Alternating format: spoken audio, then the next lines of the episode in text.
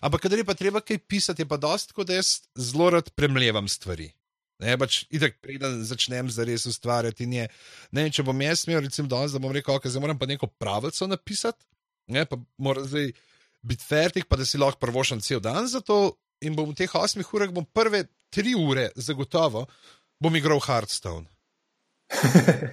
Igral ga bom, ampak bom pa skozi v zadju, pa zraven bom imel nek listek, kamor si bom čečkal kakšne besede. Pač... Boštjan Gorenc pižama je človek veliko talenta, vse od improvizatorja pa do pisatelja. Njegova zadnja uspešnica je knjiga Slovenski klasiki 1, ki naj bi kmalo dosegla 10.000 prodanih izvodov, medtem ko ena poprečna slovenska knjiga doseže okrog 500 izvodov, tako da gre za res izjemen uspeh podkastu smo se med ostalim pogovarjali o Boštjanovem kreativnem procesu, torej kako piše knjige, ustvarja stripe in podobno, kako uporablja aktivno prokrastinacijo kot metodo za ustvarjanje kreativnih sebin, kot ste že tudi slišali v samem začetku podcasta. Pogovarjali pa smo se tudi o tem bolj poslovnem delu, torej kako izgleda postopek izdaje in promocije knjige v Sloveniji in seveda, če se to finančno splača. Da je do tega pogovora sploh prišlo, pa se lahko zahvalim sponzorju Domenci, ki je res super prostor za začetek naših podjetniških idej. V bistvu lahko na enem mestu dobimo tako domeno, kakor tudi spletno stran, ki si jo lahko postavimo kar sami. Primerno je tudi za tisti, ki nimamo programerskih znanj, kot sem tudi jaz, in vsi vemo, koliko časa včasih trajajo zadeve, ko se za izdelavo spletnih strani dogovorimo z zunanjimi izvajalci, kar pa danes veliko krat niti ni potrebno, se za bolj enostavne ideje in vsebine obstajajo zelo enostavni in lepo dizajnirani urejevalniki vsebin. To lahko preizkusite tudi sami. Za vse poslušalce za kulisija je Domenca ponudila posebno ugodnost in ponuja 50% popusta na prvo obdobje zakupljenega paketa. Seveda imate predtem še vedno 14-dnevni brezplačni preizkus. Za več informacij in popust pa obišite domenca.com pošiljnica za kulisije. Tako, zdaj vam pa želim prijetno poslušanje. Ok, kul. Cool. Um, glede na to, da zdaj nisi tipični podjetnik, bomo začela nekje drugje. Ne? In sicer ti si sam za sebe povedal, da si zaljubljen v jezik. Zato me zanima, kje se je sploh začela ta ljubezen v jezik. Puh, jaz mislim, da najprej živijo, najprej živijo in živijo, ali ni lepo zdrav tudi. Uh, vsem, ki uh, poslušate tako, tole, tako, kot se posluša podcaste, ne, doma za tipkovnico, nepremično v svojem računalniškem stolu, ne, ker drugače podcastov kao ne more. Um, in uh, ja, ljubezen do jezika, mislim, da je bilo, ne vem, prirojeno oziroma položeno v zipko, ker uh, sem stanoval sredi enega tovarniškega kompleksa.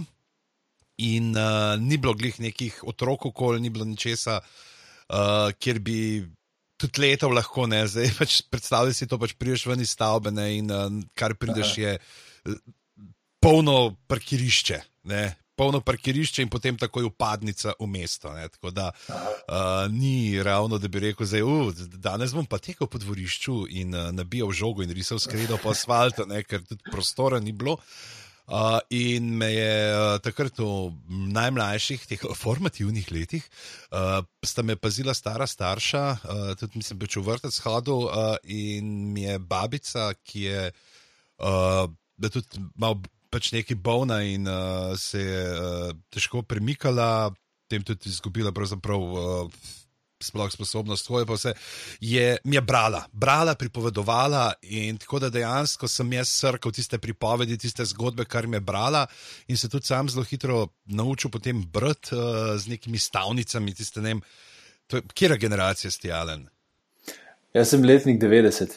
Oh, pa ti verjetno ne poznaš več teh zelo starošolskih uh, zadev. To so neke take stavnice, ki sem jih tako. Uh, kaj neke pač te tirnice z utori noter Aha. in plastične črke uh, v zadnji zatički, ne, da se je potem noter tako lahko postavil ne, in si sestavljal besede. Tako, ampak plastično, ampak uh, presenetljivo, tako kakovostna plastika, zdaj, ki se tako razmišljam, ker sem se spomnil. Uh, da je bilo tudi uh, trpežno, ne? da je tudi, ki si otroku dal to v roke, ni, ni se tako razletelo, ne? ker to je pač še iz časov, uh, ko so se stvari delale za to, da bodo mogoče zdržale delke tiste dva meseca ne, in boš mogel iti na AliExpress novo rundo naročiti. Um, ja, in potem sem pač bral in bral in poslušal in me je ta jezik očitno čist prevzel. Ne. Čist tako nekako mi je zlezel pod kožo in uh, zanimivo mi je bilo potem ne skozi odkrivati skozi knjige in potem je jasno, pa prišla potem še. Uh, po spoznavanju tujih jezikov, pa naprej, ki brskaš vse te neke pa fraze, pa zanimate, kako so stvari nastajale, zakaj se ne vem, neka fraza, ki je na prvi pogled čist nesmiselna, iz kje izvira. In tako naprej, in se je gradilo in gradilo, in zdaj smo tukaj, kjer sem poln besed, zaradi česar sem tako, kot sem. Mhm. Ampak to je zanimivo, gledaj, mislim, dost, mogoče danes več ne, ampak tudi v moji generaciji je dosti ljudi, oziroma otrok, rado bralo, ne? ampak potem se to ni razvilo v to ljubezen. Veš, kaj je bil to preskok od tega, da si bral, pa potem, da si dejansko začel ustvarjati z besedami? Oh, zdaj, ustvarjati sem začel, pravzaprav mislim, da zelo, zelo pozno, pa tam šele neko koncem osnovne šole, oziroma da se prej smo neki, pa spise sem zmeri rad pisal, polne govorne vaje, pregovornih vaj, sem bil tako len ponavadi, da si sploh nisem doma neki, ki vem, kaj niso si vse stvari zapisali. Jaz sem si tako doma malo spomnil, a to približno bom povedal, in pa sem povedal, in pa je bilo tudi malo, kdaj tako, ok, lahko bi doma zvadil, pa bi bilo bolj. Um, ne vem, až ni tako, nikoli nisem bil neki full šport športen tip, uh, neki, čeprav moram reči, da sem bil zelo. Uh, nisem me upal faulati, no, ker smo igrali na ulici. Ker sem imel ortopedske čevlje ne, in če sem jaz nazaj faulal, so ljudje zelo uh, skakali po eni nogi. Čeprav je pa res, da sem mogel tudi imeti srečo, da sem zadev koga, če sem hotel faulati, ker tudi cilet nisem dobro znal. Uh, in uh, ne vem, uh, zakaj me je se to tako dotaknilo. Ni, da bi rekel zdaj. Mogoče tudi to pa je dejstvo, da sem imel vse čas, imel zelo dobre uh, učiteljice in potem profesorice za slovenščino. Uh, ker to se ti zna, kdaj zgoditi, ne pri jeziku, da če dobiš kakšno tako, ki dela tako z levo roko, pa se, a zdaj samo tle neki po tej strogi črki, ki je notni zapisana, delal pa da ne zna jih tudi uh, razlagati mogoče.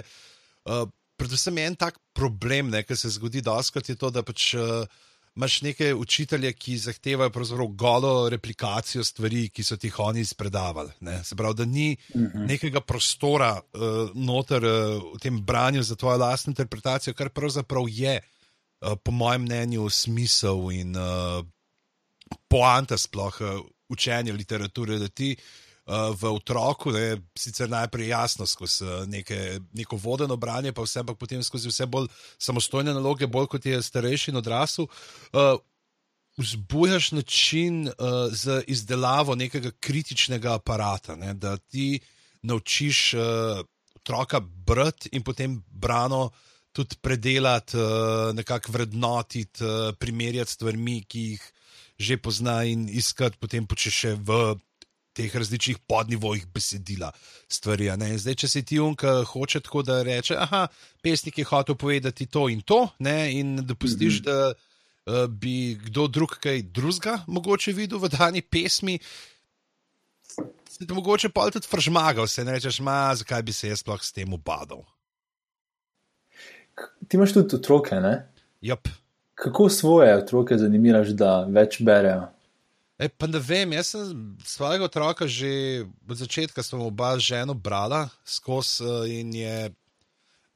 Imamo pravzaprav ritualno, da se pred spanjem se vedno bere, razen če res tako, da gre zelo, zelo pozno spat. In, uh, je tako, da pa ne vem, pa recimo po potovanjih, kader gremo zmeri, dobi kakšno lokalno slikanico, tudi če je v jeziku, ki ga Ben razume, ne? in potem skupaj nekakšno zgodbo malo ven uh, brskamo. Ampak ja, to ne. In, uh, Mislim, da je predvsem pomembno, mi zdaj sicer še nismo na tej fazi, da bi on tekoče bral dolga besedila, ne, ker ima žalostno, ker je star 25 let, ampak ok.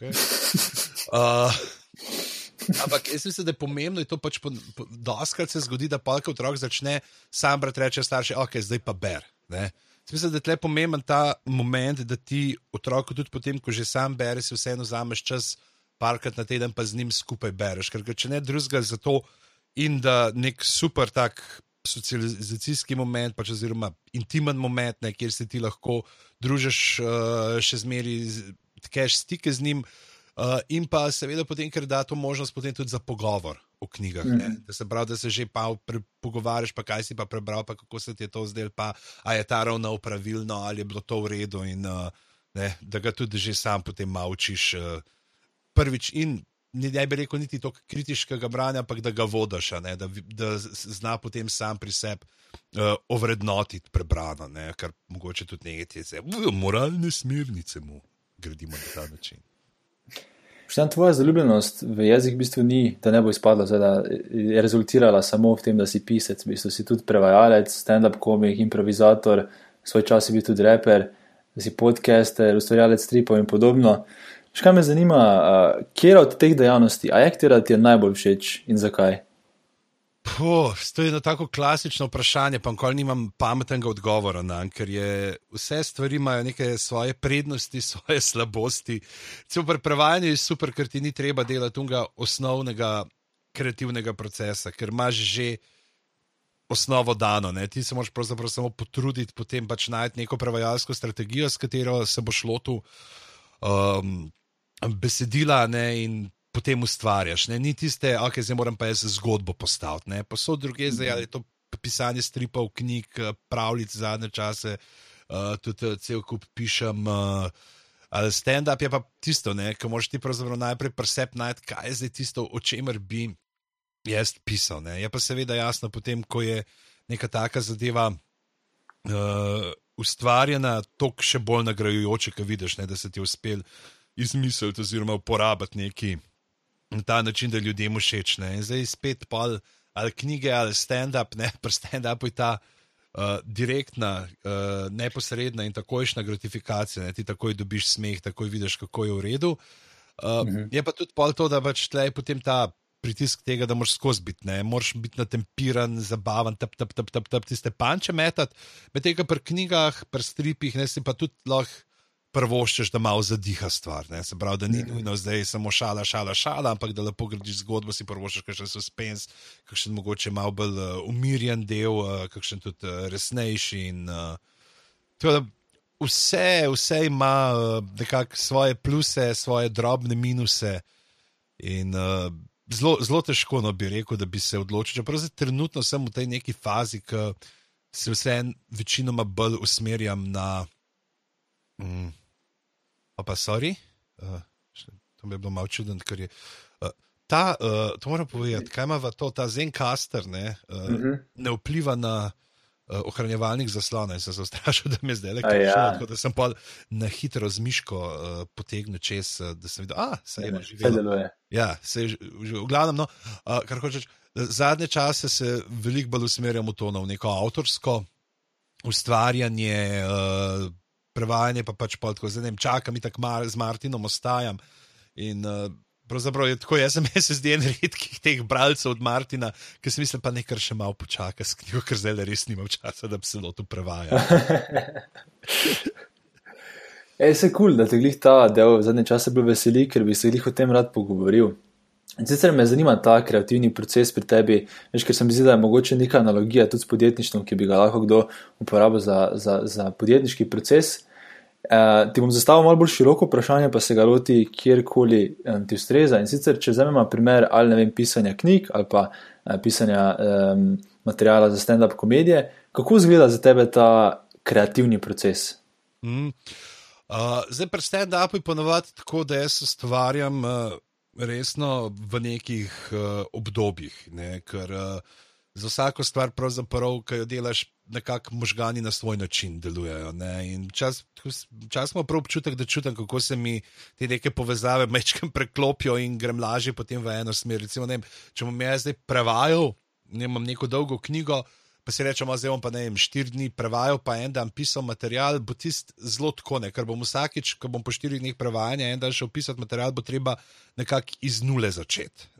Tako da mhm lažje je, recimo, ne mi, da rečemo, okay, zdaj bom prevajal, prevajal, pa si samo pisal neke ideje, potem si pozamem, recimo, dva tedna, tri tedne, izključno za stand-up.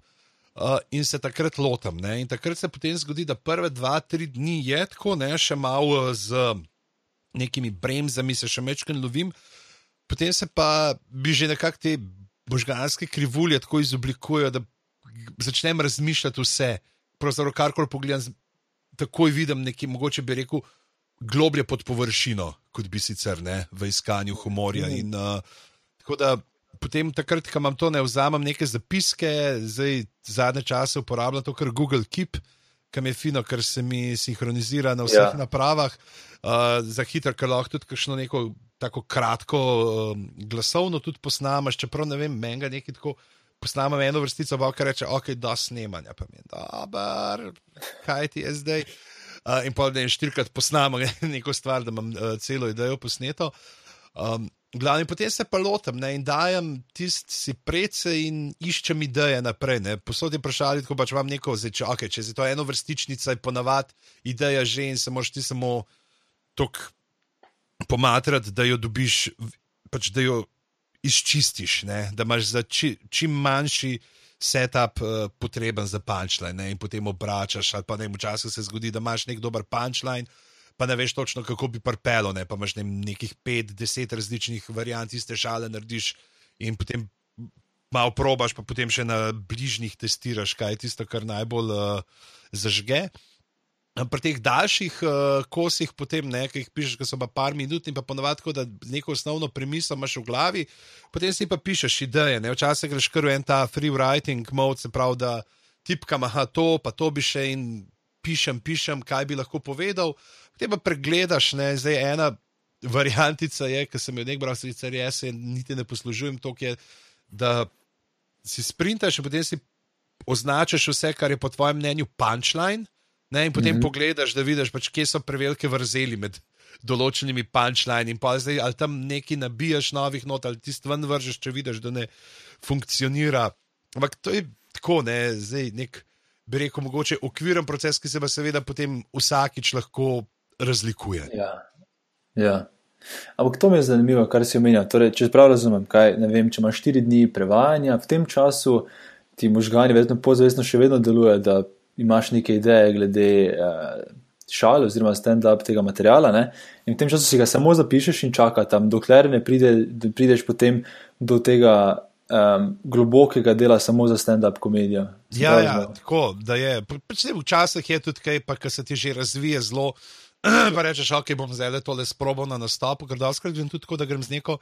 Na te, ki imaš eh, večere novega materiala, to, kar se zdaj v desetki dogaja, pa čez poletje v Gaju tu, da greš neko na tri četrt razdeljeno idejo in se pač snemaš, ne? in potem vidiš in si prepustiš tudi malo, pač malo improviziraš, malo probaš začutiti, kakšen je nek ta naraven tok pripovedi, ki bi prišel iz tebe. Um, ne, in potem si ti poslušaš, ne, in jasno, spet balast vam pomečeš, in tam tudi vidiš, da točno že kaj deluje pri ljudeh, kaj ne, kaj bo mogoče treba uh, še okolo obrniti. Uh, in uh, tako ne, pravi, različni načini procesov so, da prideš do končnega materiala. Je pa seveda potem vsakeč, kaj imaš napisano, je treba to ne trikrat do petkrat jeti, zagotovo čez uh, pred publiko, da potem še dodatno prečistiš, da se ti porajajo še neke nove ideje. Ker, ne, tudi, ko misliš ponovati, nek material, da je že dokončno se ti lahko zgodi, da boš vem, po parih mesecih dobil neke nove ideje in boš uh, lahko razširil še tisto, kar, že, kar si prej že nekaj mesecev govoril. Kako torej, zdaj si omenjal to um, večere novega materiala, to mi je fully zanimivo. Ampak obstaja morda še kak, pa prej si tudi omenjal testiranje. Veš, kakšne vse načine testiranja imaš, da ugotoviš, če je ta material uh, dober ali ne? Ker to se mi pa zdaj res fulj zanimivo, ker podobne procese tudi uporabljaš pač podjetništvo, da ugotoviš, ali je neka ideja smiselna ali ni, imaš te pač mini iteracije in mini uh, ideje. Veš, torej, kako ti testiraš ta material, ali ga pošlješ kar po vem, Google chatu, Skypeu kolegom, ali veš, kakšne procese uporabljaš za testiranje? Aha, ja, ja. Ma ne, testiraš pa navad, ko je tako pred publiko. Ne? Se pravi, zdaj, ali je to, greš res nekim širšim kosom na nek ta uh, pač, nov material, na večer novega materiala, oziroma ali je to nek daljši nastop, pomest dve, tri minute uh, svežega vklopiš in tu pač čakaš, gledaš ne, reakcije, vidiš, uh, kaj bo uh, na ta način. Ni da bi neki si zdaj rekel, pošiljal to s kolegi, bolje je to, da testiraš na, na bližnjih preparatih, tako v debati. Uh, jaz sem dosti za te one-linere, za te eno vrstičnice, in tako tudi Twitter, zelo super način, ne, kako uh, preizkusiti, pač, uh, ker je fino, itak ta forma ti deluje. Čeprav potem ponovadi pri meni, tem, kar delam na Twitterju, je problem to, da se nikamor drugam ne zapišem in potem. Uh, ker je, o, zdaj pa rabim še kaj novega materiala, pa grem pa nazaj probat malo prečesati po Twitterju, da vidim, kaj sem kaj pisal, če je kaj uh, ta zgo uporaben, da lahko noter še v stand-up nastop si dam. Uh, to uh, kolege pa pol večinoma ponovadi vklopimo, pa kadar delamo neke te daljše predstave. Uh, je pa tako, da itak imaš zmeri kakšno premiero, pred, uh, pred premiero, uh, preden uh, greš za res premierno s predstavo v svet. Pa takrat ponovadi povabimo par kolegov zraven, da pridejo pogledat. Ne? Potem to zgleda tako, da imaš ljudi, ki se smejijo, pa ne štiri, pet ljudi neko kotu, ki te tako gleda izpod čela, pa se kdaj nasmehne, pa če čaka noter v zvezke. Ne? Potem se usedeš dol in te brutalno razmontirajo. Uh, ampak kar je super, ne, recimo Perica Jarkovič, pa, pa Marko uh, Kumermur sta taka, ki sta zelo analitična in jaz zmeri tako povabim, ker je fino, ne pač videti nekaj, mogoče tudi, veš, pa dobiš idejo, reče, le, ja, se ta le kos, ki si ga še tukaj super, ampak mogoče bi probo z tega kota še speljati, ali pa tukaj lahko še imaš nekaj, da je probaj razvit. Ne, in se mi zdi, da pravzaprav posod, tudi pa, ker sem knjigo pisal, sem uh, delal na nek ta podoben način, ne? da mi je fino dobiti uh, uh, neko povratno informacijo, s katero izboljšaš. Ne? Nisem en unih, ki se. To je, to je sploh, vem, tudi pač kot urednik, ki sem delal, pa se kdaj pogovarjam s kakšnimi uh, znanci, ki so uredniki, pa urednice. Imáš določene avtorje, ki so zelo zač, zaščitniški do svojega dela. Pač to sem zdaj tle napisal in to je to. In to je zdaj v kamen, uklesano in ne bomo ničesar spremenjali. Medtem, kar ravno pač naloga dobrega urednika, urednice je to, da ti, neka, da ti pomaga še izboljšati tisto, kar si že naredil. Ne? Jaz, recimo, ko sem delal te slovenske klasike, ena, za Ano Grinovič, sem bila tako, da pač sem jih sprot pošiljal stvari, ki sem jih delal, ona brala in dajala ideje zraven. Ne? In je parkrat tako bilo, da je res iz neke stvari, ki je bila meni, ok, se je neka šala, ne se stoji. In rekla, uprav, ne, da je probi tukaj, ki si to napisal, še tle malo razširiti ali pa v nek drug kontekst postaviti, in je dejansko bilo pol izboljšano. Ne. In uh, tle pa pa še ta drug problem, ne, zdaj pri ustvarjanju uh, za knjigo, je pa to, da je mogoče tudi to podjetniško, ne, pač, ker si ti enkrat nekaj daš ven, nekak, ne moreš več popravljati. Ne. Se pravi, zdaj pri stand-upu ni panike, veš, gremo enkrat, dvakrat, trikrat, povem, aha, to se še da izboljšati in popraviš. Ne? Zdaj, knjiga enkrat vzun, ne boš zdaj šel ne, uh, do vsega, ki je kupil čez dva meseca, pa rekel, mm -hmm. da, da, da ti bom jaz še dve vrstici dopisal, ki je ful boljša šala. Ne? In uh, ja, tako da sem imel kar par kolegov pri knjigi, pravzaprav uh, sem bolj izkoriščal to, no, da sem parim prijateljem. Uh, za kjer je vem, da imajo podoben smisel za humor, kaj jaz, pa da so bralci dobri, da imajo tudi določeno pač predznanje literarno. Sem jim poslal ne, in smo pa debatirali. Ne, in sem parkrat je bilo tudi nazaj, kaj si pa tle točno mislil. Mm -hmm. ne, in se je izkazalo, da za eno stvar, ki sem jaz mislil, da je, do, da je čist dovolj razumljiva, uh, da je bilo mogoče vsem preveč zakrita referenca. Ne? In sem pa ne vem, se rekel, kaj pa če da ne vem, dve, tri besede tukaj še zraven, uja, super, to se pa zdaj točno ve, mm. na kaj se nanaša. Ne? In je tudi uh, na ta način pravzaprav uh, potem besedilo raslo in se medilo. Je ful zanimivo. Meni se zdi res ful dosti podobnosti ja, z temi vidkimi metodami dela tudi podjetništvo, veš. Uh, O vidkih metodah ne bi vedel ničesar. Preberi si, po mojem, ti bo zelo zanimivo. Uh, mogoče še kakšna ideja. Um, ej, kak si pa premagal strah, veš, ker sem videl v stand-up uh, komediji, pač lahko zelo hitro, veš, pač priješ na oder in se ljudje ne smejijo. Ne? Si imel težave s tem, si moral že začetka mogoče malo delati na tem. Uh, veš, kakšne so metode, da premagaš? Ja. Pri meni tega niti ni bilo, ne vem, koliko, zato ker sem bil že prej, še sem že v srednji šoli začel uh, z gledališčem, potem nadaljeval z uh, gledališko improvizacijo, ker je bilo pravzaprav potem tudi to moderiranje dogodkov, ne, moderiranje in protekom. Uh, tisto, kjer sem nekako že začel peljati, oziroma pogruntati, da tiste stvari, ki jih tam počnem, so približno isti format, uh, kot ga ima stand-up. Zaradi česa sem se par lotil tega, tako da neke te čisto odrske treme, pa tega ni bilo. Uh, je pa tisto, uh, ponavadi ostaja neka živčnost pred kakšnimi večjimi nastopi, pa pri tem, pač, kako se bo zdaj ta material, sploh če je napisan samo točno določeno za neko priložnost. Uh, uh, a se bo obnesel tako, kot sem računal, ali ne. ne. Takrat je pa zmeri je neka unamal. Uh, Prisotna, tremni občutek, ne, uh, mm -hmm. bi mhm. rekel, kaj je Borkovič, komentator. Boš, ja. tak, uh, ja. bil, bil, bil je tremni občutek tam nekje v levem žepu, ampak ja. uh, kako to premagati? Pravzaprav dejansko moraš zaupati vase, moraš verjeti, da bo tisto, kar si naredil, uh, da bo šlo zdaj razen, če imaš in to tudi pokazati na odru samozavesti. Razen seveda, če imaš ti neko tako persono odrsko, ne, ki je bolj vase zaprta, bolj uh, sramežljiva. Tako da uh, ni nekih, da bi rekel, da bi zdaj lahko ponudil. Točno določene odgovore, kako se tega. Pač s kilometrino nekako ta strah se zmanjša, ampak eh, še vedno, še vedno ostaja. Tako da vem, da zdaj v oktobru, ko imamo. Eh, Ki pripravljamo novo predstavo, pa vem, da bomo prej naredili neke predpremiere, pa bomo imeli spiljen material, ampak ko bomo enkrat na oder, pač tam premier, na premieri bo vse en. Vem, da, da se bom sprašal, zakaj mi je bilo to treba, zakaj. Ker je ja. mogoče pri meni bolj to v fazi, bolj to ustvarjanje, še pol. Ta zdaj ne vem, če si. Uh, spremljal, to je bilo pred kakšnim letom ali dvema, da se uh, bil neko, sploh ne vem, kaj je bila neka konvencija, bilo nek sejem knjižnic, da uh, sta se Stephen King in uh, George Martin, ne, sta imela pogovor. Mm -hmm. In je vprašal uh, več uh, Martin, tako King, prav, Prav, se tebi kdaj zgodi tako, da ne vem, se ti ustavi, si napisal ne, tri odstavke, pa ti zgledaš, pa si misliš, pa to je totalen krep, pa sem jaz sploh kdaj v življenju kaj dobrega napisal, pa se ne znam pisati, pa si to, to kar si bilo, se mi čist po sreči, po srečnem na ključu v rajem, ali pa joj, pa, pa greš stran, pa tuhtaš, pa ne veš, a bo še kdaj kaj pisal ali ne. Je tako Steven King pogled, prav. Ne, In jaz sem, se mi zdi, da sem ta bolj na tem Martinovi strani, kar se tiče ustvarjanja. Mene takrat, ko ustvarjam, je zmeraj no, joj, pa a bo, pa kako bo ja. to prišlo skozi. Potem se bo nekako izkaže, da gre čez, ne? da je ljudem uh, zabavno ali všeč ali karkoli. Rata. Ja, najtežje je začeti tisti prvi. Ne vem, to objava na blogu ali tudi podcast, se spomnim, ko sem s prvega posnel, me je bilo. Ja, sem bil kar živčen, Ja, potne dlani in podobno. Prav, si tak... predstavljaj, koliko morajo biti živčni uh, serijski morilci pred prvim. ja, dobro vprašanje.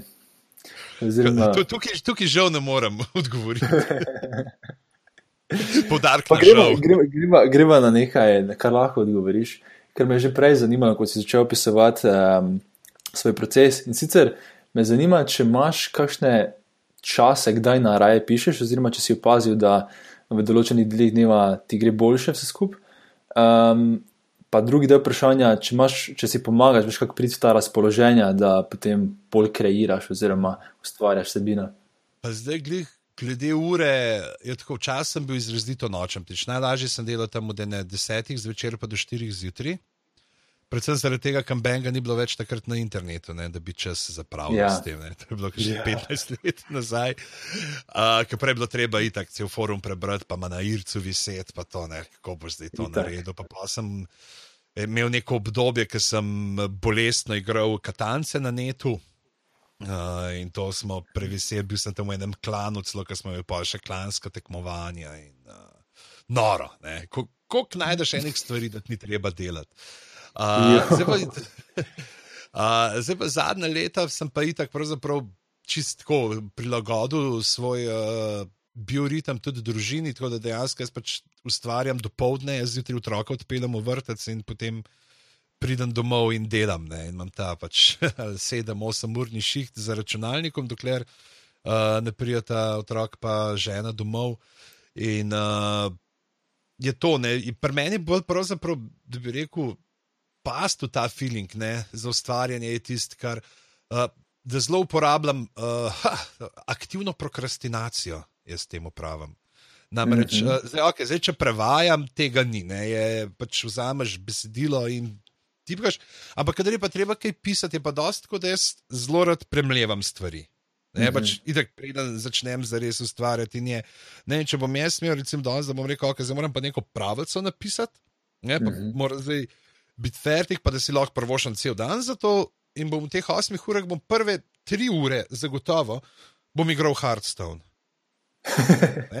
Igral ga bom, ampak bom pa skozi v zadju, pa zraven bom imel nek listek, kamor si bom čečkal kakšne besede, da je pač skozi bom razmišljal. Se pravi, zraven o tem, kaj uh, gre, ne pač kaj delam, kaj bom šel, kaj bi lahko tisti lik naredil, kaj bi še srečal, kaj bi se zgodilo z njim. Se pravi, ali pa tudi ne, pri stvarjenju stand-up je to, pač, da, da kakšno uro, dve raj še v glavi, preden se začnem tipkati in je da tako zapravim ta čas, in potem pa butne ven. Uh, zato, ker pač že prej toliko v glavi razdelam vse stvari. Tako da to je pri meni ponavadi tak uh, ustvarjalen proces. Tako da se pravi. Uh, Efektivnega dela pač ni 100% časa efektivno delo, ampak brez tistega prokrastinacijskega bi bilo efektivno delo potem daljše. Aha, torej ta začetni del, v bistvu, kot, kot zvariš kot neki jaz, v bistvu delaš nekaj drugega, ideje se ti kot nabirajo in potem, ko čutiš, ok, zdaj pa imam že toliko tega, da moram biti delati, v bistvu si ustvariš skoraj da kot neko, ja. prefrigaš sam sebe. Ja. Veš, kaj me še zanima, dosti ljudi, ki poslušajo, zakoli se dela od doma, ne? In me zanima, če tudi ti, kot sem razumel, delaš od doma, če si ustvaril nek poseben uh, vem, prostor, imaš svojo pisarno, oziroma če si ugotovil, kaj ti pomaga, da lahko doma boljši delaš? Ja, uh, definitivno potrebuješ nek uh, svoj prostor. Jaz sem srečen pač to, da živimo v hiši in sem si lahko parlastil eno sobo, zato da imam delovni kabinet. Ampak uh, mislim, da to je skoraj nujno, no, sploh če imaš tako, kot jaz, ki ti otrok po hiši lava. Ker takrat, preden uh, si otrok rodil, sem rekel, da se to bomo, ne pa nekako polje skozi neka distrakcija zraven okol, uh, če nisi prav v nekem prostoru. Plus to, da se zdi, da je fino, da imaš uh, nek kotiček, kjer točno veš, to je šiht. Mhm. Ker me je pač jaz zjutraj, ko stopim v svojo pisarno, ta svoj kabinet, vem, tukaj je zdaj šiht. Ne? In me potem. Ko grem ven, ko zaklenem vrata od kabineta, me šiht ne preganja več. Ne? Zdaj, verjamem pa, ne, če si pa da imaš v dnevni, ti ne vem, na kavču ali kar koli imaš tam eno mizico, pa tipkaš vse, kar počneš ti zdanje, pa pravzaprav pa si pa skozi tam. Pa ja. si pa skozi tam in skozi imaš te stvari in jih skozi delaš in ti skozi skačejo v glavo. Sicer jaz sem bil tudi včasih tak, da nisem poznal nekakšnega prestanka, da bo skozi, a pa da bo skočil tjale, pa bom neki zvečer še na hit pol ure delal, pa to, ampak trenutno imam to srečo, no, da lahko nekako delam s tem 8-urnim delovnikom za računalnikom, potem pa pač kar je še dodatno.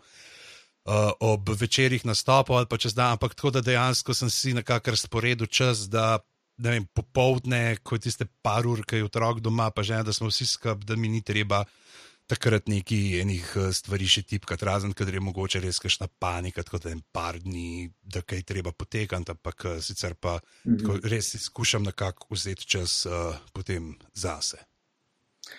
Imáš kakšne, ne vem, zdaj, če se postavimo v to pisarno, imaš kakšne posebne gadžete, pripomočke, nekaj kul, cool, kar bi delil z poslušalci, da si lahko izboljšajo svojo domačo pisarno? Puh, uh, okno, ki se ga da odpreti. in še ne, tle se zdaj spomnim, ko je bil čas, uh, ker sem uh, delal še na svoji stari lokaciji, uh, na svojem starem domu, sem imel uh, pisarnico, oziroma tisti pač svoj kabinet v kleti. In sem imel pa na tako mini okno, ki se je na obrlift odpiralo nekaj pol metra Aha. visoko, pa ven in to je bilo še včasih, ko sem kadil in to je bilo noro, sploh po zimi. Ne vem, še zdaj, zdaj kot nekaj delcev, da pridemo v kakšen prostor, kjer tri četrt manj kadijo, kot sem jaz takrat, ko mi preživim. Kako sem jaz lahko takrat noter, ne vem, cele noči preživel po zim zaprt ogen, da me ni zebal in ne vem, skadu škatlo čikov. In, oh, ja, vse ni več tazga, malo megla je, ampak po, a ne. Uh, pa zdaj, uh, kar sem si prvo šel, je to, da imam zelo, zelo dolgo mizo. Uh, nisem zdaj sicer en tisti, ki bi delal zdaj v stoje vseeno raj sedim na komod, uh, ampak imam pa zelo dolgo mizo, tako da imam res lahko vse stvari nekako gor, od uh, dveh monitorjev, ki sta mi kar nuja pri delu, pa potem do vseh teh stvari, ki jih rabim za snemanje podcast, podcastov, pa jim razni skeneri, printeri in to. Tako da imam neko skoraj da plele neko starši Enterprise variantico pred sabo. Ne sicer nujno tako tehnološko sodobno, ampak uh, Je, ne, pa, da ni drugih distrakcij potem. Ne. Sicer imam polno knjig za sabo, za hrbtom, ko imam knjižne police, ampak uh, ni pa tako, da bi zdaj rekel, pač na, namensko ni drugih stvari pol noter, da bi rekel, oziroma pa je stele hitro, ne vem, NBA tukaj odigral ali pa karkoli. Aha, to je tista. Teda tista aktivna prokrastinacija potem ne poteka v tej isti sobi. Ne, ne, aktivna prokrastinacija, kar je, ker imam računalnik, ampak zdaj Hardstone lahko igrama, veš. Ne, ja, zdaj, okay. Da bi pa neke te konzolne, da bi še konzolo gor zraven ne, na monitorje preklaplo, zato da bi imel dodatno ja, zabavo, ja. tega pa ni. Tako, okay. Ne vem, kam ima pravzaprav uh, nekaj posebnega. Noč, Tazga, ne zelo, če ne šteješ knjig, je zelo asketsko, če pa šteješ knjige, je pa zelo veliko stvari. Tako da to je to, kar je noter. Veš, kaj me še zanima, in sicer tvoji nasveti za boljše pisanje. Torej, um, kdorkoli od poslušalcev, ki, ki ga zanima pisanje, bi se rad izboljšal v tem, kaj mogoče veš, da so dva, tri nasveti, kako tako izboljšati svoj stil in ne stil, ampak mogoče pač pisanje na splošno. Ja, kot prva stvar je pisati, pisati, pisati. Ne? Dejansko pač več, ko napišeš, lažje pišeš, bolj ti teče uh, bolj tudi svoj pač, slog, potem nekako izpili, zdaj če greš ne, v neko avtorsko noto, najdeš svoj glas. Tako da to bi bilo to. Pa itak je una ta klasična, kaj je, kaj pač pokaži, ne pripoveduj se prav, da. Nekak, uh, da, da ti spoznaš uh, lastnosti uh, likov skozi to, kar počnejo, ne da ti reče, da oh, je bil pa tak in tak in tak in je to in to in to, ampak pač unrdi to in to ne? in mhm. ravna tako in tako. Uh, tretje pa, uh, uh, kaj mi se zdi, prepisa, branje, branje je še vseeno uh, zelo pomembno. Ne? Dejansko moraš srkati veliko uh, stvari, čez zaradi, uh, niti ne to, da bi rekel, zdaj, o, zdaj pa kopirati druge, pa vsem, ampak zaradi srkanja novih besed, zaradi uh, uh, uživanja v dobro zaobljenih in dobro zavitih frazah, ne, ki jih mhm. drugi dajo, ker potem te to spodbode, tudi ti hočeš nekaj boljšega narediti. Ne? Skozi to tisto malo pa, aha, ti si to tako napisal, no, da se bom jaz zdaj potrudil, pa bom skušal boljše. Ne? Ne, da bi to rekel, pa, aha, predvsem, č, a, kaj, kaj bi bilo še kaj tazga. Ne, ne, to ja, ne, ne, ne vas ne bo strah argumentirane kritike, pa dajte to uporabiti. To je to, vsako stvar, vsako stvar se da izboljšati. Vsi, mhm. vsi, vsi nekako potrebujemo. Veš, kaj, ti si lahko tudi kreativna, veš, ampak mogoče pa v tej fazi, ki se stavljaš, kakšno stvar spregledaš, pa kje si kakšna vem, ali oseba ali kakšno dogajanje se zdi tako prijetno in reče, o, to bom pa zdaj ne vem, koliko strani napisal o tem. Ampak ti potrebuješ pa nekoga, ki bo pač ocenil, kakšna je koherentnost zgodbe, kako teče, kaj je mhm. nujno potrebno za tisto neko zgodbo, ki jo hočeš povedati, kaj pa samo balast. Ja, ja, ja. Obstajajo morda kakšne knjige, ki bi jih priporočil bralcem? Oh, knjige so, čak, zdaj se bom tlele okolo obrnil. Uh, recimo, uh, John Garner, uh, umetnost pripovedništva, je ena taka, ki sem jo malo bral. Potem je uh, Andrej Blatnik, ki je tudi o kreativnem pisanju, on vod delavnice kreativnega pisanja in ima tudi en tak kot na pol knjiga, na pol učbenik z zelo dobrimi primeri in zvajami. Uh, potem je itak, ne vem, mogoče klasika je ta, itak, da pač Campbell, ne, ta, uh, kaj je že Hero's Journey, ne, oziroma uh, mislim, da pri nas imamo to nagovo, kaj že junak uh, s tisoč obrazi, samo malo se spet mhm. obrnem. Očitno sem jo nekomu posodil, ali pa na drugi polici. V glavnem ta Campbellova, neka te knjige, ki govorijo o monomitu ne, in uh, o teh, kako pravzaprav je vse skupaj, vsi miti nekako so si isti, ne? kako imaš to uh, popotovanje junaka, katere so te stopne, prek katerih prehaja, ker ti pač to potem zelo mm -hmm. pomaga tudi pri samem osnovanju zgodbe, ne? določene, če zdaj delaš v tej neki smeri. Ne? Recimo, to je knjiga, ki je zelo George Lucas tudi ne? med drugim uporabljal, ki je delal. Uh, Star Wars mu je zelo pomagala zraven. Zdaj ne vem, je to reklama za, za ja ali za proti, ampak tak, uh, fakt ne. Sicer pa politik, uh, ne vem, pri pisanju je, zdaj sicer to je bolj tudi scenaristično, pa to, kar imaš, ampak se imaš zelo veliko nekih tudi zdaj.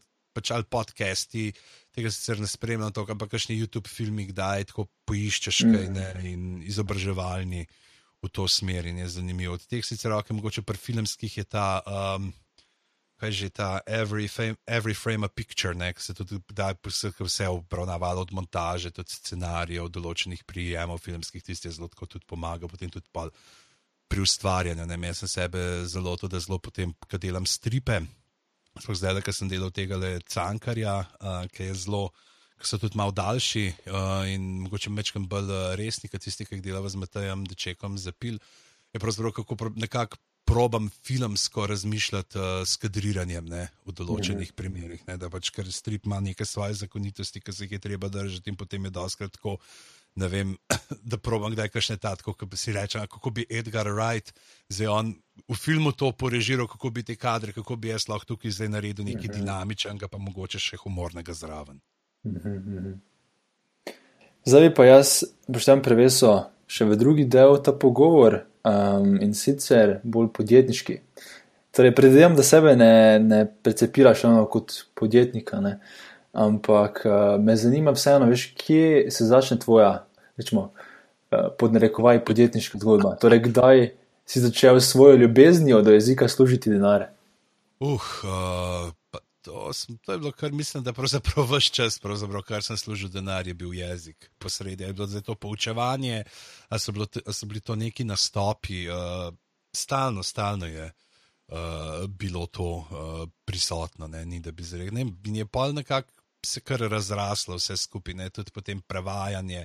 Ne, prevajanje sem začel tako, da pravzaprav sem si ti sled, ki sem bil absolvent sem si vzel polet dva meseca in sem prevedel od Terja Prečeta Erika, tako zelo kratek, roman najkrajši iz, od vseh teh iz Discworlda. In takrat sem rekel, mm -hmm. pa vse to bi pa zdaj bilo za me, ampak pol, ko se spomnim, kako sem takrat kaj prevajal, si mislim, da je bilo, da mi je digitalna uh, kopija se nekaj izbrisala, nekoč ne obstaja samo ena papirnata verzija, ki jo imam jaz doma na policiji. Um, te so bili pa, uh, mi smo na faksu, smo si, anglisti in prevajalci, skupaj smo si enkrat letno organizirali neke uh, literarno-prevajalske delavnice, April is the Cruelest Month, vsakeč tako nekje na nek malo bolj odmaknjeni lokaciji, da smo tri dni delali tam in sem pristopil do uh, Tatjane Cestnik. In je pač učil, takrat se vedel, da je tudi ona na mladinski del. Rekel ja, prvo srapte, kaj čest tako, ne, se to reče, uh, samo inicijativnost. Je rabite, kaj pa rekel, pa ja, mogoče pa imam tam neki, kar mi je malo neroden dati uh, za prevajati, ampak le, da te testiramo. In sem potem prišel enkrat eh, do nje in sem dobil knjigico, uh, The Oracle Book, zelo knjiga Prerok, res nek tak krep za psihično močnejše, kjer je na vsaki strani si imel točno en stavek za mhm. prevest, mm -hmm. kot je bila ta knjiga, si, si ti zamislil vprašanje in potem si šel z roko čez knjigo in si odprl tam, ker si začutil, da se skriva odgovor. Mm -hmm. to je bila moja prva uradno prevedena knjiga. In, uh, takrat sem rekel, pa odpisal, da okay, je demo knjigo vprašati, a naj te prevedem. Ne? In odprem knjigo in je pisalo: Avoid it like a plague. Rekel, knjiga, ki me je nauč govorila, kaj smem delati, in sem jo prevedel, in evo, še zdaj. Uh, 15 let zatem skoraj eh, še vedno prevajam. Um, kaj pa veš, ko se tiče za same prodaje knjige ali prodaje, torej če prijemam bolj veš na to plastično prodajo ali knjige ali svojih rečemo, storitev, stand-up komedije, veš, kako si se spopadal z samo to tematiko, ker to je pa nekaj čist drugega kot kreativa. Veš, in se mi zdi, da dosti ja. mogoče rečemo, umetnikov spet, ampak kreativcev ima bolj težavo z, z mm. prodajo. Kako si ti to? E, jaz sem tako, že radostni samo promotor. Ne? mm -hmm. um, pa ne vem, zdaj pri meni. Nekako ni problema, tako da bi se lahko zdaj pa izpostavil, pa malo reklamo delati za neke svoje stvari, mi nikoli ni težav. Pri meni je baluno, pač itak, veš, kot komik, pa ka probaš, polno pa iščeš, zdaj, aha, pa veš, moš nekako medije priti, da bojo ljudje zate vedeli. Zmeri sem delal nekako to, mejo sem si postavil, pač nočem promovirati sebe. Hočem promovirati stvari, ki jih delam. Ne. Se pravi, da zdaj, če bi bo en rekel, ne vem, zdaj bi pa tle le naredil, da je eno fotko iz dopusta, pa bomo kaj napisali, rečem ne, pač, ker mi to ni neka stvar, ki bi jo ne, zdaj delil. Eh, z drugimi, ne vem zakaj bi jo, ne, ampak ale, imam pa ne, novo predstavo, pa ja, ni problema, imam novo knjigo, ni problema, veš, bomo intervju, bomo un, bomo tret uh, zrihtali. Uh, sploh zdaj s temi, ne, z uh, prihodom družabnih omrežij, lahko še sam fulejnih stvari narediš. In tukaj mi nikoli ni bilo, je pa res tudi, da, da sem zdaj, če gledam knjigo, pač ni bila sama založba, ampak je šla pri ne, uh, proper založbi, tudi na stand-upu, recimo, nisem ankoli ne vem, koliko samega sebe držal, ker sem imel zmeri to. Uh, So mi drugi počeli, ne? že takrat pač v komikazah smo itak, pač je bilo skupinsko, potem so šel pa, so se komikaze rašle, uh, sem pa jaz pač ostal s težkimi in on mi pravzaprav zdaj že vse čas me menedžerira, kar je meni super, kar pomeni, da me nekdo kliče ne vem, za nek nastop ali kar koli jaz sam preusmerjam in se on vse zmeni. Pač, ker že tako imam, ne vem, če gledam vse te neke pa račune, izdajanje računov, pa pol obračunavanje, pa zadavk, pa neki pa um, pa vse tret, koliko mi tle gre enega dela. Da bi moral zdaj še vse te stvari, telefone, pa se meni za ta nastop, nastop, pa res ne bi sploh več časa imel za karkoli drugega delati, imam občutek. Ne? In mi je, čisto redo, da je to tako podelegirano, kot je. je. Kako se pa v Sloveniji dogovoriš za, veš, za to, da založba potem izda tvojo knjigo? Tle je bil pravzaprav kar poseben eh, primer pri teh uh, slovenskih klasikih, je to, da sem jaz dobil vabilo od založbe. Namreč, da bi mm. oni delali uh, Ana Grinovič. In takrat uh, na Cankarjevi založbi uh, pač, uh, prišla tja, nam je zdravka duše, ki je šel v penzion. In zdaj uh, za Ano sva delala že prej. Ana je bila urednica moja pri prevodu prvega Martina, pri uh, Igri prestolov. V glavnem je Ana pa takrat, uh, ki si iz mladinska šla na Cankarjev, kar je itak ne, ista hiša. Uh, je dobila možnost zdaj na tem novem mestu delati tudi uh, izvirno literaturo, in nas je nekaj ljudi poklicala, ker je ga pač zdaj pa nekaj imela, ne? od vas ali bi kaj naredil. Ne? In pač se je rekel, da je neki roman, ne vem, imam že zid sleder za kaj tasga, kratke zgodbe tudi. In sem jim pokazal, da preširna tistega povodnega moža na Facebooku, sem rekel, tole bi delal, vse te, pač, ampak ne samo Facebook, ampak na različne stvari, ne? različne se pravi, te neka družabna mreža ali neke internetne pojave. In je bila za, ne? tako da dejansko je bilo tukaj to, kar se je bilo za zmed. In je že bilo in ona imela takrat no, zelo, zelo dober nos, recimo, ker je takrat tudi Saša Dolenca zraven prvabila, zato potem od genov do zvest, ki je uh, te svoje zgodbe o znanosti, ki jih je že prej pisal, nekako malo priredu, uh, da so bile primerne za najstnike bolj in je. Uh, Tako imela dve zelo dobro prodajni knjigi in tudi uh, kritiško dobro sprejeti tisto leto. Ne. Tako da pri meni je bil ta uh, ne, nekako sem pač zaradi vsega drugega, kar sem že počel, sem lahko preskočil to uh, dolgo in mukotrpno pot uh, fehtanja za ložb. Ej, se to v bistvu čestitke na tvoj, uh, tvoja knjiga slovenski, slovenski klasiki, ena je bila res velika, velika uspešnica. Na zadnji, ko sem bral 5000 uh, izvodov prodanih, koliko je zadnja številka? Ja, zdaj odštevamo do 10 tisoč. Wow, wow. Ali lahko za vse, ki nimamo toliko izkušenj z uh, slovenskim trgom knjig, malo razložiš, kakšen uspeh je to? To je zdaj tako. Uh, poprečna slovenska knjiga ima naklado nek med 300 do 500 izvodov, če pričakuje, da se bo prodajala, da jo 1000 izvodov. Uh, če se proda več kot 2000 izvodov neke knjige na založbah, kupijo cel plato radenske in se delajo, da je to šampanc in se prodajajo. Ker za šampanc je svet denarja. Tako da, ja, to so neke totalno nepredstavljive cifre. Jaz, ko sem. Ker smo se menili, ne, pa je prva naklada 1500, pa to zdaj, ok, to bo ne zdaj. A še so 1700, so dali, se rekel, tole, če bomo v enem letu, ne, tam malo čez 1000 prišli, bom zelo, zelo vesel. Pa so pa kar začeli, ne, in po dveh tednih je bilo treba, je to prvi ponatis in kar naprej se še dogaja. In potem pred uh, decembra, ko sem pač dobila to priznanje knjiga leta knjižnega sejma, je še tam bil en boom naprej. In tako glavno skozi sko se je nekaj dogajalo in uh, kar prahalo in skozi neke nove številke. In me je bilo tako čist, mislim, jaz se še zdaj ne dojemam čistočno teh številk, ne, ne vem, koliko je to zdaj res enih ljudi ki je šlo in kupilo to knjigo. In jaz upam, pač, da jih je toliko navdušilo, da bo potem naslednje leto dvojka tudi uh, toliko zmamla, da pridejo in rečejo, no, mi bi pa še kaj tasga prebrali. Ej, ampak kako ti pa uspe prodati 10.000 izvodov v Sloveniji? Mislim, kaj si vse, kaj je recept za uspeh? Niga, vse to je to. Veš, more, mora se ti porajmati, veš, uh, določene stvari. Ker zdaj, jaz si tako zavedam, da ta, mogoče, a veš, je to tudi ta knjiga zdaj. Je razvedrilo, Sprav, to ni zdaj, jaz si ne delam utvar, da sem naredil, da sem izdal knjigo literature. Ne? Jaz sem izdal neko pač zabavno knjigo, v kateri se ljudje nasmejijo z dobre volje in nima nekih uh, hudih uh, ne vem, bi rekel, zad nekih premis, da bo pa to knjiga, s katero bomo spremenili svet. Uh, je mogoče bilo malo te, rekel, kalkuliranja, da bi ljudi prisilili do tega, da znova primajo kakšne klasike v roke, da imamo.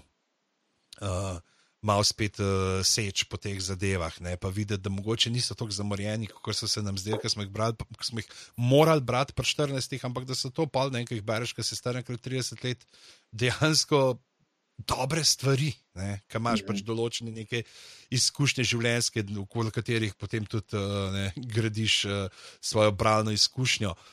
Uh, in uh, ne vem, poklopil se je vse, da je malo to, da je in ta internetni duh do tega, da mogoče ni bilo tako na široko uh, še.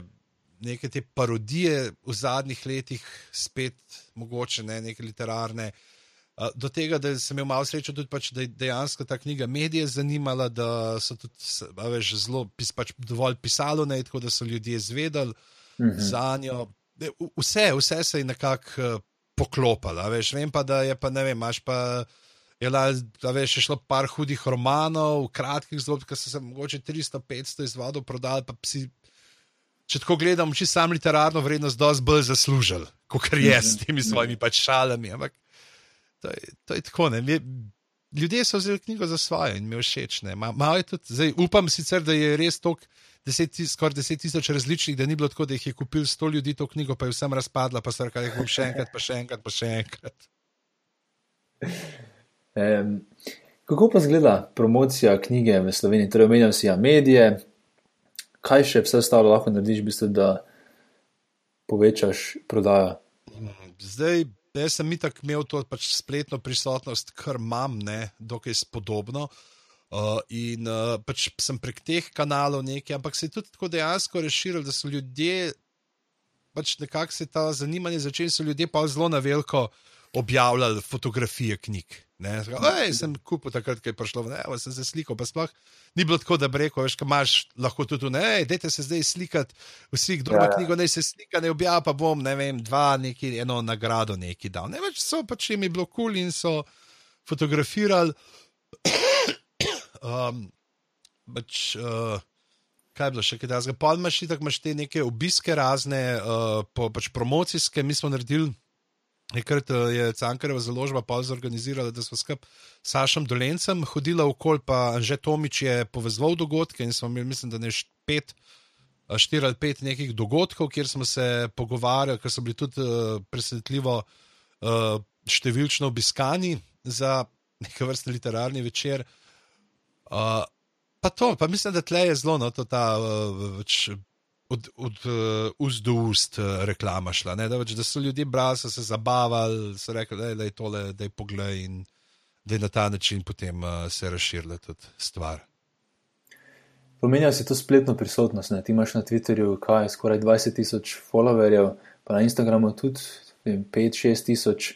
Mhm. Um, vem, da ko sem poslušal podcaste iz tujine z avtori, um, do, mislim, najboljše prodajenih knjig, so ful govorili, da je to zdaj postalo skoraj da kot neko, veš, kot filter, da v bistvu uporabiš to spletno prisotnost in te followerje oziroma svoje sledilce, da spoh prideš do, do tega, da te založba vzame oziroma da te objavi. Kako si ti videl vso to zgodbo? A je tudi Slovenija zdaj to že postalo fulj pomembno in koliko je bi to dejansko pomagalo pri prodaji oziroma pri promociji?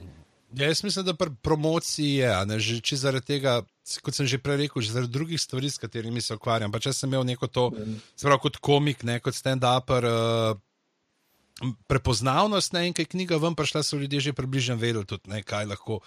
Pričakuje. Zdaj, če govorimo mm -hmm. samo o teh številkah, veš, ta, teh 19 tisoč na Twitterju je tako prenapihnjena cifra, da to ni res. Ne, je, pač jaz se bil takrat, sicer ne čisto v prvi fazi, ampak takrat, ko je potem Twitter šel nekako se razširil, sem bil zelo aktiven. Ne? In takrat sem jih zelo veliko ljudi dobil, potem se je pa zgodilo to, da sem prišel jaz na seznam unih, ki pač, se nekdo na Twitter parjal, a veš pa ti reče pet ljudi, ki jih posledite, Aha. sem bil doskrat med njimi. Ne? Tako da vem, da med temi 19 tisoč ljudmi je zelo ta, veliko tudi takih, ki so pač enkrat prišli na Twitter. Poklikali par ljudi, malo pogledali, pa jih ni bilo tudi več nazaj. Veš, nisem se sicer to, da bi, ne vem, kupoval sledilce, to mi nikoli ni bilo. Veš, ker ne ja, vem, ja. pač, kaj bi uh, s tem samo sebe ali komorkoli dokazoval. Ne? Zdaj, ok, nisem. Uh, mogoče bi lahko na ta način pa malo ti uh, si povišal svoje influencerske kredence. uh, ampak mislim, da zdaj glede na to, da s tem našim zdaj imamo ekipo, ki se reče influencer crew oziroma hashtag influencer crew. Uh, uh, s tem našim zebanskim delovanjem, je jih fora nam to, da imamo tiste, ki jih imamo, ne, ki jih imamo za res. Uh, in uh, kar se tiče pa tega, potem, da uh, bi pač da založbe gledali, mislim, da ne gledajo, vsaj pri nas na to, ampak jim je pa jasno, veš všeč, ne? če je tle dodaten kanal. Recimo, se tudi, če gledaš, da je golob z jezerom, a veš, kaj se pravi, on ni, da bi rekel neki ne, spletno prisoten.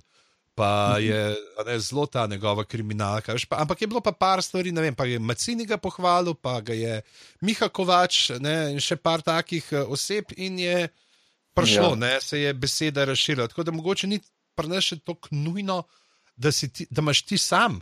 Ne, uh, to stvari, ampak da pride do tistih, ki imajo neke uh, pač ljudi, ki, ki jih berijo drugi ljudje. Veš, pa imaš te stvari, ne, zdaj, voljenih teh blogerjev.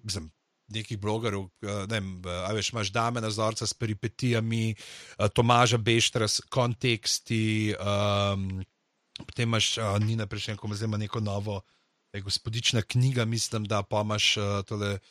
Uh, Šelenko iz Kranja, pa ne par, pa te knjigobežnice, ne, recimo na Facebooku je tako zelo literarna skupina, pač, kjer se zelo ta priporočila, pa kaj je dobro, se širi. Ne. Sicer roke okay, mogoče ostaja v nekem še vseeno manjšem tem nekem krogu ljudi, ki jih res zanima literatura, ampak se tudi eh, s pomočjo tega potem dobri naslovi so prepoznani. A se da živeti od prodaje knjig v Sloveniji? Oh, mislim, da ne.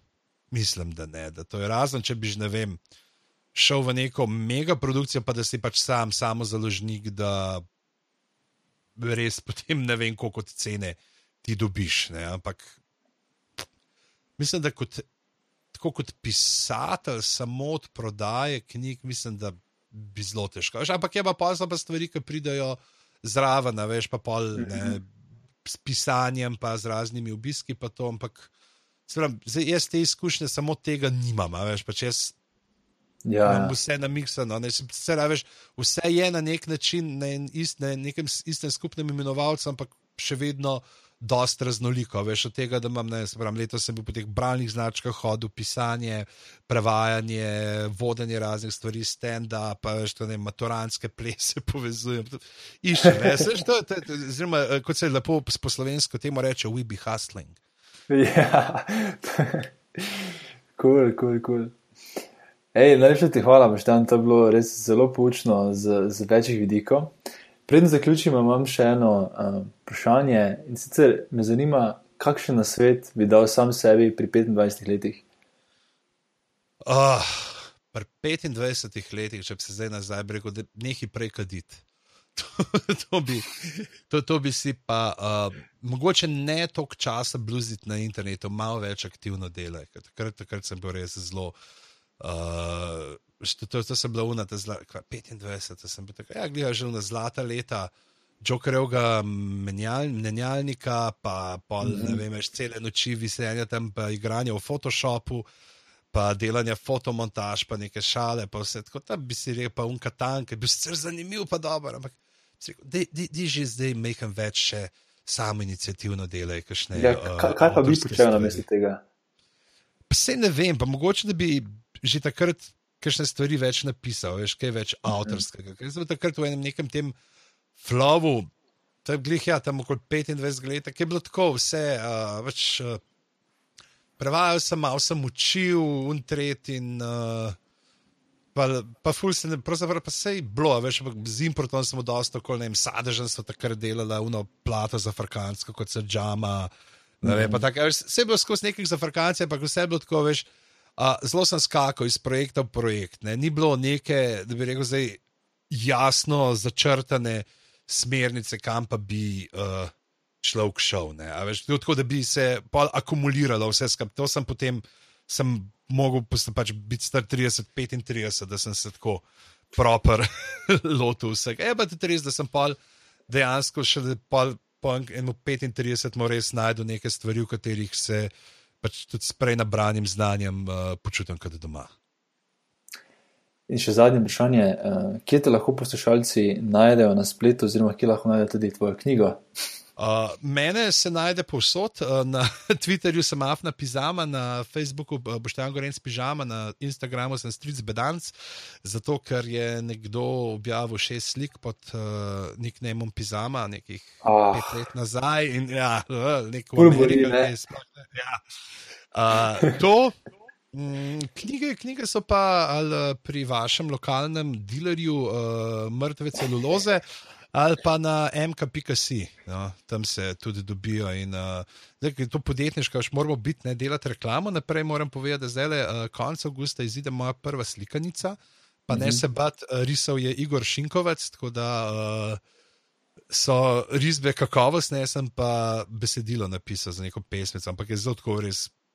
Noro ilustrirana, in če imate mehkega otroka, ker je pač um, malo je v to smer, gre da v teh nekih literarnih delih ponovadi so bradateži, neki podleži, neki zlobneži. Ne? Zelo, mm -hmm. zelo, kuj, ki ima brado, je ponovadi tudi negativno. Ne?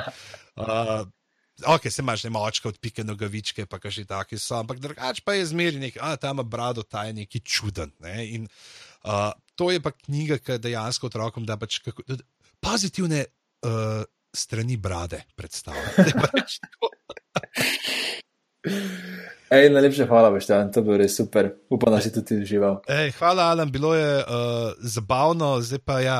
Ne, ne bom prav dolg, zato ker se mi mudi, ker uh, jaz, sem najboljša žena na svetu. Snoč mi je rekla, uh, lej, vem, koliko si želiš gledati te tretji del igre uh, prestolov.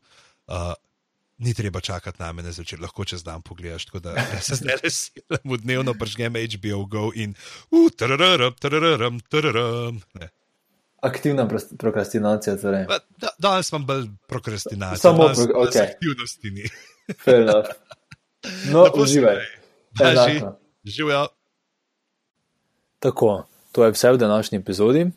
Če ti podcast za kulise všeč, te vabim, da se prijaviš na mailing listu na zakulisi.com, da boš obveščen ob objavi naslednje epizode.